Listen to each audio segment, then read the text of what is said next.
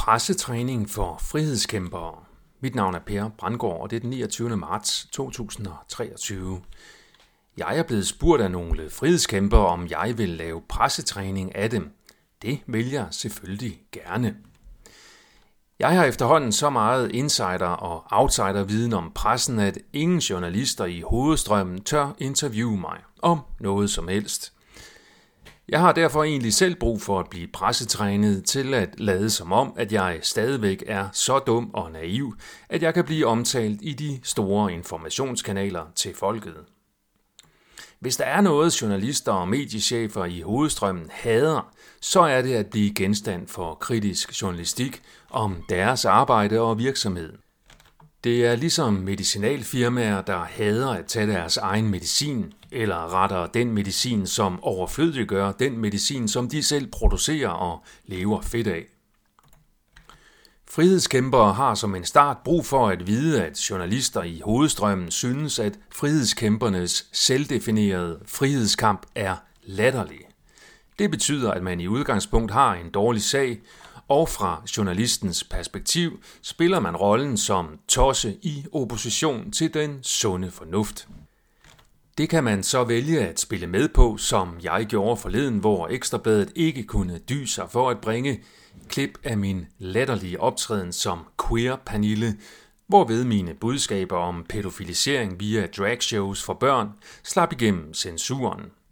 Ekstrabladet delte den siden på TikTok, hvorefter den gik viralt.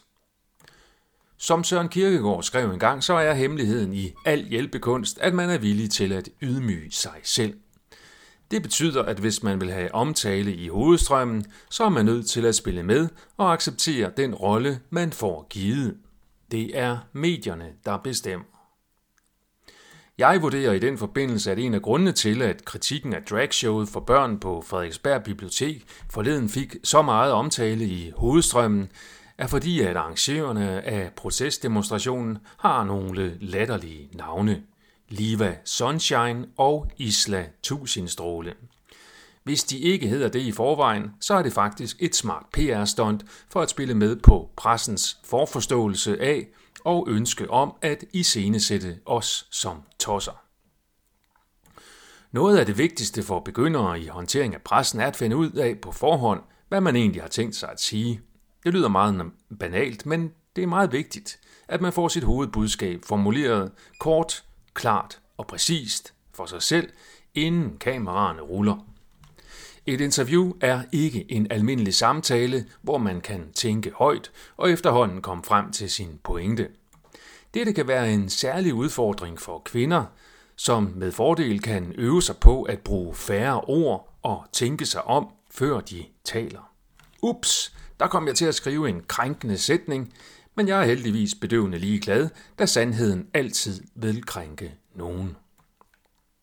Så find ud af, hvad du mener på forhånd, og formulér det kort, klart og præcist. Det kan være et enkelt budskab, en enkelt sætning, eller måske tre sætninger og budskaber.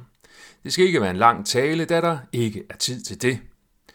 Hvis du er i tvivl om, hvad du skal svare på et spørgsmål, så kan du altid gentage dit forberedte budskab.